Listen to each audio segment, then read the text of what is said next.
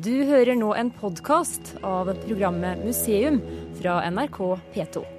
Dette programmet ble første gang sendt i mars 2016. Kjære ordfører, kjære alle sammen. Eh, Det er veldig hyggelig å kunne komme tilbake til hallen. Det står en liten eh, gruppe mennesker utenfor et stort bygg og hører på talen til riksantikvar Jørn Holme. Bygningen har sett sine bedre dager. Ja, i sine glansdager var den blant det ypperste. Gårdeieren, byens ordfører og folk fra fylkeskonservatoren smiler til riksantikvarens budskap. Det står boller, skolebrød og kaffekanner på et campingbord utenfor gårdens hovedinngang. Museum i dag handler om kongegården i Halden. Et viktig bygg i norsk historie. Her har det jo vært fornemt besøk gjennom historien. Fire eh, konger har jo eh, i unionstiden eh, eh, overnattet her. Både Karl Johan, kong Karl og Oskar 1. og Oskar 2. Så da tenkte vi symbolmessig å gi deg en kong Haakon. som, eh, som da ikke Han har vært i Halden på, på markeringer, men altså ikke bodd i kongegården. Men eh, sånn sett, i forhold til dette, så syns vi at det var hyggelig at kong Haakon også kom til kongegården i dag i form av en riktignok sjokoladeeske. Så vær så god. Gratulerer med dagen. Tusen takk. Tusen takk.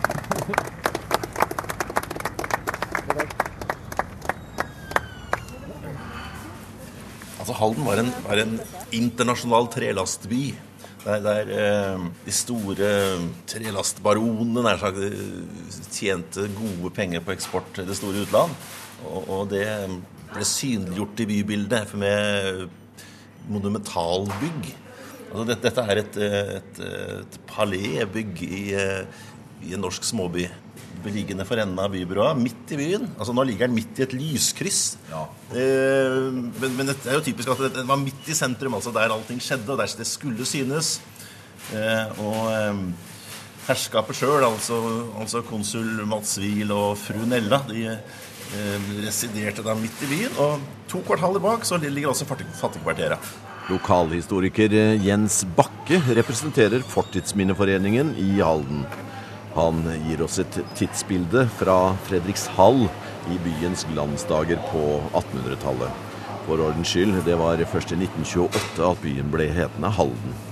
Fra et bord eh, på ærverdige Motts konditori og bakeri er det utsikt til kongegården. Eller Hvilegården, som den også kalles. Så det, det er et fantastisk bygg. altså Dette er et Københavner-palé plassert i, i Østfold. Så dette er, dette er bindeleddet tilbake til, eh, til dansketida, sånn arkitektonisk. Med sine plastre og med sine tempelgavler i, i murform. Så, så Men det var altså en by i, i full drift. De tjente penger på, på trelasten. Hvor, hvor mange mennesker bodde det i Halden på den tiden? Nei, det, det, ja, en 3000 mennesker, kanskje. 3000-4000. Relativt stor by. altså Dette var en, en av de større byene på Østlandet. Største byen i Østfold. Mye større enn Fredrikstad den gangen. Eh, og som sagt, det var trelasthandel som var basisen for, eh, for økonomien og basisen for de store pengene. Eh, Hadde byen noen annen posisjon enn trelast og, og store inntekter på den tiden? Militært og sånn, hvordan, hvordan lå det an da? Altså, vi ligger jo under festningen. Eh, og, og militærvesenet har alltid vært eh, viktig i Halden og skapt aktivitet og skapt penger indirekte. Kongegården er jo fra rett etter 1814, altså da vi kom i union med Sverige. Og plutselig var Fredriksten blitt en, et sånn relikvie fra en fortid. Vi var jo blitt union med den gamle fienden. Eh, som gjenskapte vel så mye aktivitet, for dermed plutselig fikk vi, fikk vi jo handel med svenskene. Så Halden har jo basert seg på grensehandel, på eh, festningen og militær aktivitet, og på altså trelasteksporten er de tre, tre økonomiske, historiske bena til, til denne byen.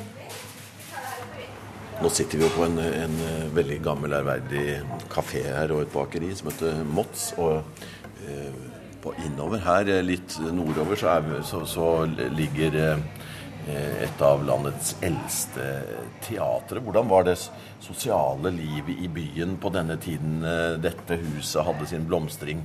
Altså Dette var jo klubblivets gylne æra. Man hadde, på den andre siden av elva ligger Haldens klubb, som var der man, herreklubben der man samles. Og eh, På Denneselva litt lenger opp ligger altså Fredrikshals teater, det ærverdige borgerskapets teater, som var bygd som et klubblokale. Der byens bedre borgere var med. Og eh, Nella Wiel spilte fattig bondekone på teaterscena. Eh, sammen med kjøpmenn og, og handelsbetjenter med forestilling bare for seg sjøl. Altså, de hadde to forestillinger. Det var en generalprøve med tjenerskap og barn. Og så var det én offisiell forestilling, og det var for de andre teaterselskapene, altså resten av borgerskapet. Og så var det fest. That's it. Det var uh, oppsetningene. Så dette var til, til internt bruk og til intern fornøyelse. Ja, da er det sånn at det er visstnok er boller og Kongegården ble freda i 1923 og har siden hatt mange eiere. Nå er det aksjeselskapet Kongegården Eiendom som eier det historiske bygget. Og Jon Folmer i selskapet har lenge vært bekymra for byggets framtid. For grunnen under huset har svikta, og det er oppstått betydelige setningsskader. Og det umuliggjør en ordentlig restaurering. Og den utfordringa har Riksantikvaren nå løst. Riksantikvaren eh, kommer til å ta regningen med å stabilisere Kongegården. Vi bevilger eh, i år eh, foreløpig 9 millioner kroner, og tar sikte på det, det tilsvarende beløpet neste år. Eh, og målsettingen er å faktisk stabilisere Kongegården, som, eh, som alle vet har store spektdannelser knyttet til et fundament som svikter. I 2020 så er Kongegården 200 år. Og da er det vår ambisjon at eh, Kongegården både skal være ferdig stabilisert og ferdig istandsatt. Og dere har hatt utover selve stabiliseringen, som er den store og krevende utgift, så vil det også være betydelige utgifter med istandsettingen av Kongegården. Og da håper vi på et spleiselag hvor både eier og kommune og fylke kan være med på den delen. Og da tror jeg din bekymring og din hodepine eh, er egentlig tilbakegang. Hvordan var det i forhold til forventningene dine? Nei, det var jo veldig bra, vil jeg si. Veldig Ja. bra. Veldig bra. Eh, Det virker som vi får en bra støtteapparat gjennom alle. Ja. Ikke bare Riksantikvaren, men Fylkesantikvaren. og Vi håper jo kanskje også litt fra kommuner og sånn etter hvert også. Betyr det noe for deg å ha et historisk bygg? Selvfølgelig gjør det det. Det er jo perla i byen, det her. Så det, det, det gjør det definitivt. Det er jo derfor, derfor er eier òg. Ja. Jeg så et bilde. Det er tatt antagelig med en drone eller et eller annet hvor du ser det ovenifra med byen bakover sånn. Og da Det ser ut som et lite slott. Det, ja, i utgangspunktet. Og så er det jo så sentrums eh, midt, eh, midt i sentrum som det går å få det. Ja. Og med tanke på elva og det som er der, så er jo en kjempebeliggenhet etter min mening. ja. Eh, hva er igjen inne i, i bygget av det gamle? Det er ikke Det er en del i, av det gamle og som har historie med seg.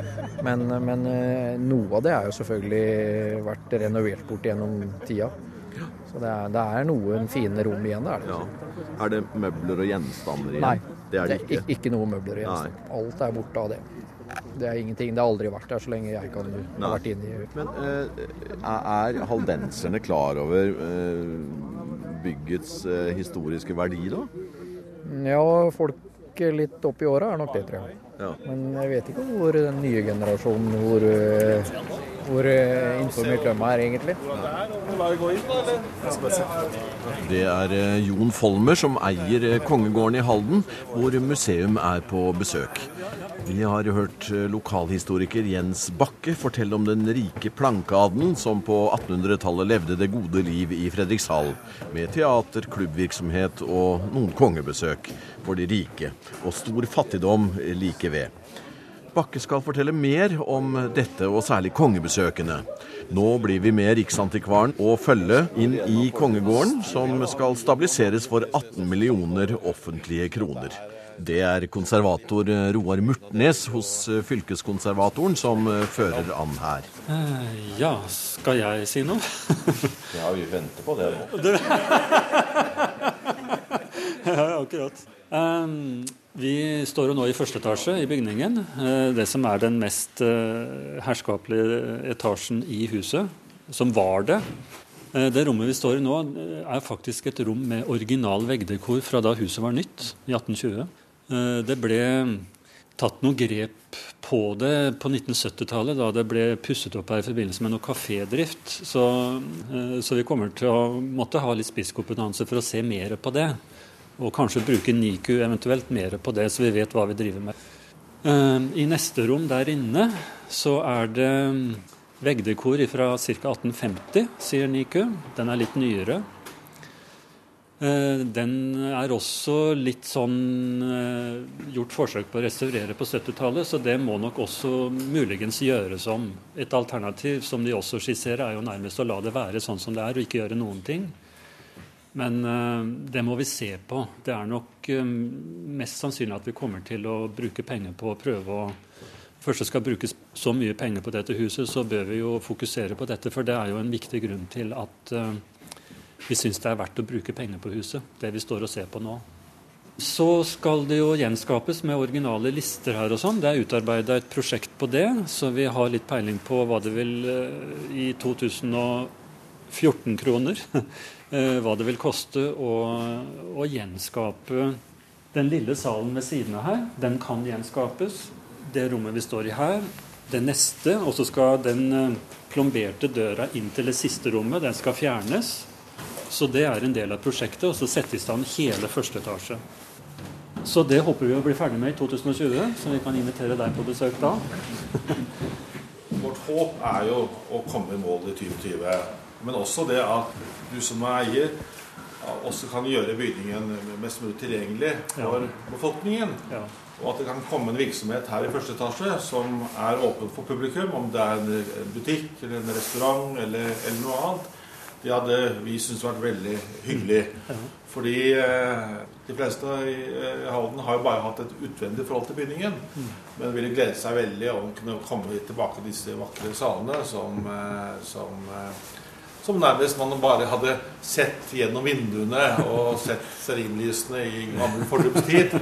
Eh, komme inn til virkelig den rike kjøpmann hvile i hans stue. Det må være flott. Så vet ikke om du har tenkt å ha leilighet her selv, det, det, tviler jeg på. Nei, nei, det har, vært, uh, har jeg vært uh, positiv til hele tida. Ja, hvis allmennheten eller kommunen eller og, gjøre det. som er viktig, er at vi fra kulturmyndighetene vi bestemmer ikke hvem som er eier. Vi bestemmer heller ikke hva slags bruk det skal være. Mm. Vi, men når eier bestemmer bruken, så ønsker vi fra konservatorhold å tilrettelegge for ny bruk. Som gjør at det er mulig. Eksempelvis har vi en virksomhet her som, som gjør at uh, at bygget kan leve gjennom bruk. Vern og bruk ser vi også, men det er fordel å være freda. Hadde du ikke vært freda, så hadde du hatt et mye større problem.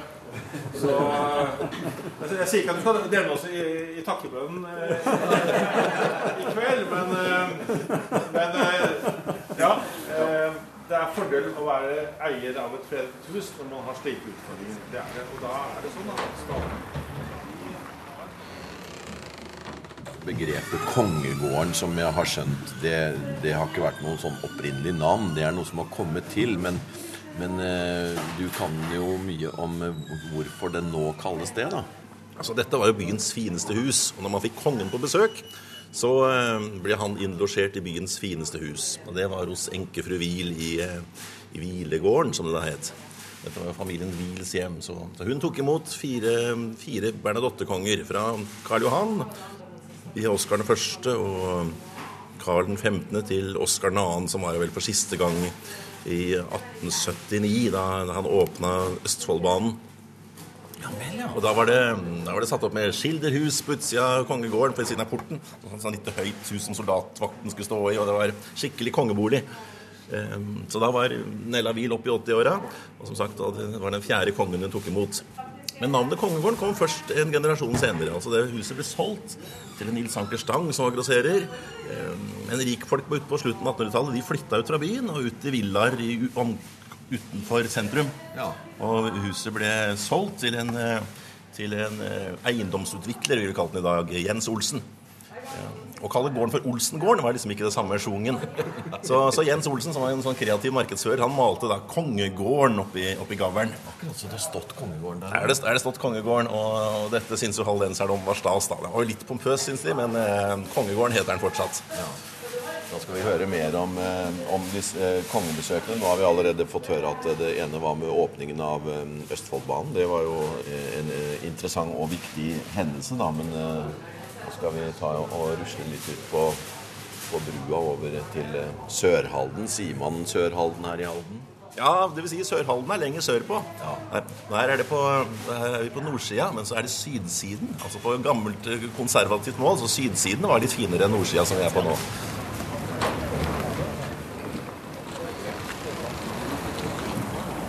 Nå har vi vært inne på ett av, eh, av besøkene, og du kan jo repetere det. Det var åpning av, åpningen av Østfoldbanen.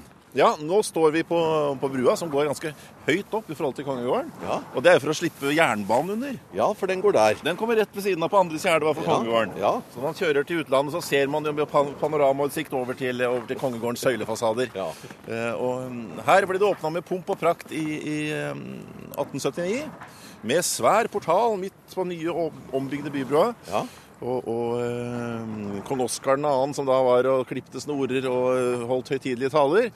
Eh, stor middag på klubben eh, med jeg tror det var 13 rettere. Hvoretter han da ble transportert med hest og vogn over bybrua og til kongegården. Og Ja, der, eh, Det var ikke lange biten. Nei, men det var eh, stas, Han hadde gjort stas på kongen. Så her var det satt opp skilderhus med der soldatene sto og vokta. og Det var, det var der kongen skulle bo, selvfølgelig. Men han var her. Museum er eh, sammen med lokalhistoriker Jens Bakke, og vi er eh, på gangbrua som krysser eh, elva Tista. Det var lenger opp i Tistedalen at sagbrukene genererte den rikdommen som førte til praktbygg som fortsatt preger bybildet i sentrum av Halden. Fra denne gangbrua er det full oversikt til kongegården. Ja, det var åpningen av jernbanen. Hvorfor var kongene til stadighet her, da? Det hadde jo litt med at vi ligger i grenselandet mellom Norge og Sverige. Når vi var i union med, med, med Sverige, så farta de jo stadig forbi her, da. Og den gang man kjørte med hest og vogn, så måtte man jo overnatte. Og da var det et sånn passelig sted underveis fra Kristiania over til Gøteborg eller Stockholm. Eh, Så det var mange kongebesøk i Halden på 1800-tallet. Hvorfor kom de hit? Åpninger av samferdsel var jo, var jo viktig. Det har alltid vært bruklipp, eller klipping av snorer ved bruåpning. Det er jo sånn kongelig eh, sjefsoppgave. Eh, 1868 så var det åpning av Dalslands kanal på, Ja. rett over grensa.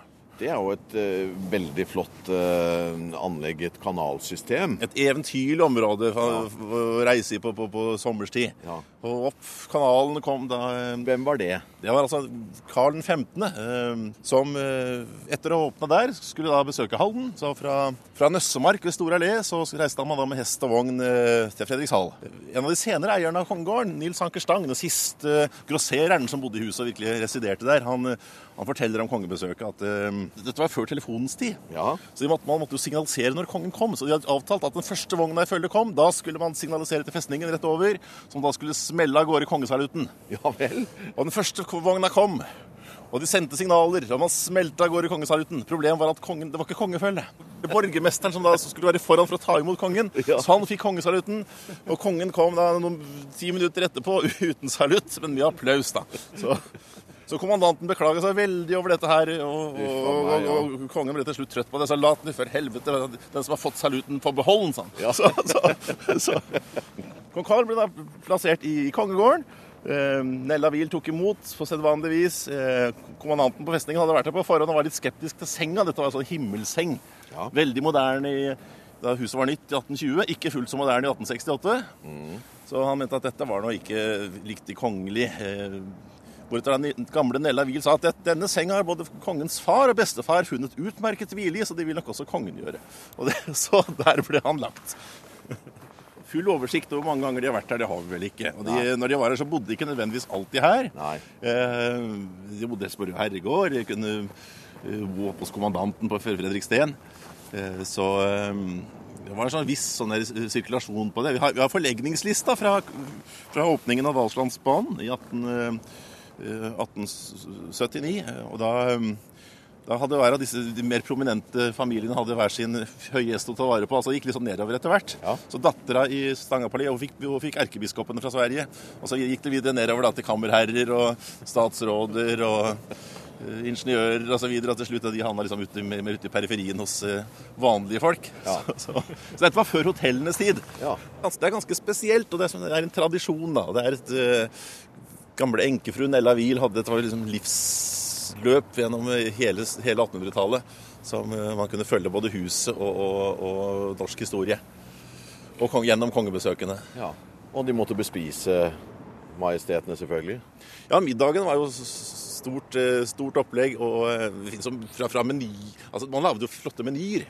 Og de skulle jo skrives på fransk. Problemet var at disse kokkene i Halden var jo ikke riktig vant med fransk.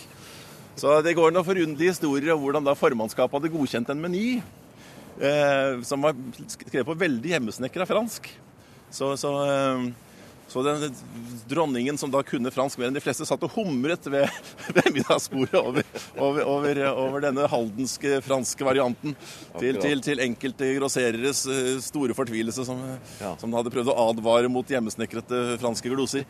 Så, så Den tok ikke ille opp, da. Men ble det er det var morsomt. Er det ikke litt av sjarmen? Jeg håper og tror at, at både, både Sonja og Harald syns det er litt sjarmerende å komme rundt det norske bygdemiljøet og bli tatt imot på litt overdrevent og festlig måte til tider. Nå kommer vi tilbake fra sydsiden igjen, og, og, og huset troner opp. Det er jo fortsatt et eh, fint bygningsmiljø rundt denne Wiels plass, da. Ja, dette, dette, er, dette er vakkert. Det syns i hvert fall en haldenser. Eh, Og, og Kongegården ligger jo virkelig majestetisk uh, ut mot elva. Med, altså dette, dette er pilasterarkitektur. Altså disse flate søylene med, med rifler på. Altså kanelyrer heter det på, på, på språket. Altså dette, er, dette er som man ser på greske templer. Disse, disse rillene som går fra topp til bunn på, på søylene. På, ut mot brua så, så er det skikkelig gjort. Men vi kan se på, på kortveggen mot elva, som vi ikke syns så godt. Der har man juksa. Der har man bare malt disse riflene, disse kanelyrene, med, Ja. med illusjonsmaling. Ja, Og så hvis man ser på, på altså, da har de vært flinkere. Ja, dette er elegant gjort. Ja. Og og så se på de midterste vinduene ut mot elva. Dette er eh, altså klassisisme. da skulle det være symmetri, og det skulle være balanse. Ja. Og Hvis det da ikke passa med et vindu, så satte man i et vindu like forbaskat for at det skulle få balansen i huset. Så Hvis du ser på de midterste vinduene, så er de bare juks. De går rett inn i en skillevegg bak. Men det er satt inn ordentlige vinduer med ordentlig glass. Og bakveggen er malt sånn det skulle se ut som det var i rullegardin. Et dekorert rullegardin. Så eh, hvis man ikke vet det, så er det jo ikke råd å se at det ikke er eh, ekte vindu vi ser eh, midt på veggen. Men dette er altså bare pynt for, for arkitekturens skyld. Det rytmiske bråket i bakgrunnen skyldes at taksten blir fjerna fra et av husene på Wiels plass. Så det er bare liksom ryktebasis at taket er jo så dårlig, så det må vi bytte ut. Hvilken gård er det? Dette er også en gammel hvilegård, da, som, som nå er kommunen som eier. Ja, Nå står de faktisk og bare knuser flott gammel taksted. Her går, her går eh, 100 år gammel taksted rett i konteineren. Det burde ikke være nødvendig. Fra toppunktet på brua over Tista forteller Jens Bakke i Fortidsminneforeningen om Fordums storhet i Halden. Så, så hele Wils plass er jo en familiehistorie. For her eh, i Kongegården bodde altså foreldrene, Nella og, og Mats Wiel. Og så kom barna etter hvert og eh, bygde seg og flytta inn i husa rundt Wiels plass. Disse store, Ja, disse store, voldsomme murbygningene var virkelig sånn familierede. Var det bare plankeadel som hadde kommet seg opp, eller var det gamle, gode slekter, holdt jeg på å si? Det var gamle penger. Ja. Det var gamle penger, og det er Best trelastpenger. Litt kan vi ane tilbake til altså, Rådhuset i Halden, gammelt sånn hvilepalé, eh, har røtter tilbake til slavehandel og sukkerverksdrift. Ja. Mye spennende historie, så man kan følge, følge pengene liksom framover helt fram til våre dager. Til, eh, altså, pengene er fra Wiels plass, kan man følge videre liksom, i Aschehougs forlag eller Astrup Fearnley-museet i Oslo. Eh, så så eh, det er en lang økonomisk historie. Hvor lå eh, industrien hen da? Oppover langs med elva. Eh, vi er jo nå ved, ved Tista. Går vi en, noen kilometer lenger opp ligger Tistedalen med Fossefalla, og det var Fossefalla som drev Sagene. Så, Det som er nå er over Saugbruksforening og Norske Skog. ja, og Saugbruksforening er jo en direkte etterfølger av eh, de gamle sagbruka. Altså Sagbruksforeningen. Ja, her er det flott. Her ser vi jo opp til eh, klokketårnet på Rød herregård. Og så har vi eh, festningen eh, bak oss, og i linja der så ligger eh, eh, kongegården. Den er jo Den er jo praktfull. I sin tid må den jo ha gjort inntrykk. Ja, var særlig tatt i betraktning at dette var en uh, småby med små hus. Altså, Thomas Fearnley la en skisse over hallen der han skrev at de fleste hus er gråskrevne, som, som anvisning på hvordan han skulle male bildet. Og da var det jo kongegården som reiste seg opp høy, høyreist, og en uh, praksis en etasje høyere enn de fleste andre. Så uh, ganske monumentalt, ja. Men eh, utenfor Halden, og kanskje også i Halden, ikke særlig kjent for den historien eh, som den vitterlig bærer? Ja, ja og nei. Altså, dette er jo eh, Ligger jo midt i byen, og, og eh, i og med at, også i og med at slektene flytta herifra, altså to generasjoner etterpå, flytta eh, barn og barnebarn til Oslo vest, vest, vestkant. Tok med Ja. seg pengene. Det var der det skjedde. Altså, så barnebarna finner vi igjen eh, i villaene langs med Drammensveien. Nettopp. Og de tok jo med seg historien. Ja. Eh, så hvilefamilien eksisterer jo ikke i Halden lenger. Nei. Stange-familien, de som hadde penger som bodde rundt Hvils plass, de forsvant også til Oslo. Så man følger pengene. Ja. Og der det er muligheter til å tjene pengene utover på Ja, slutten av 1800-tallet, ble, det- ble det Oslo større forhold enn enn den gamle trelasthandelbyen Halden. Du har nå hørt en podkast av programmet Museum fra NRK P2.